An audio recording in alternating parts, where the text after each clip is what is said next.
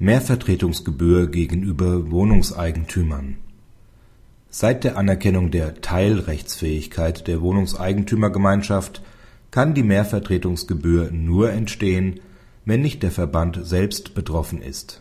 Für Altfälle gilt dies nicht.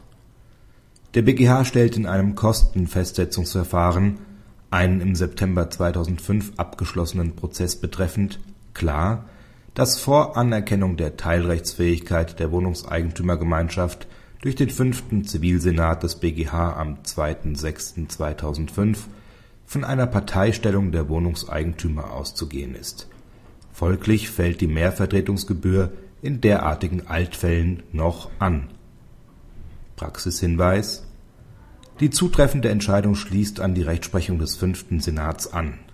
Sind die Wohnungseigentümer persönlich und ist mithin nicht der Verband Partei des Verfahrens gewesen, ist die Kostenabrechnung nur nach diesen formalen Kriterien vorzunehmen, die Mehrvertretungsgebühr also zu berücksichtigen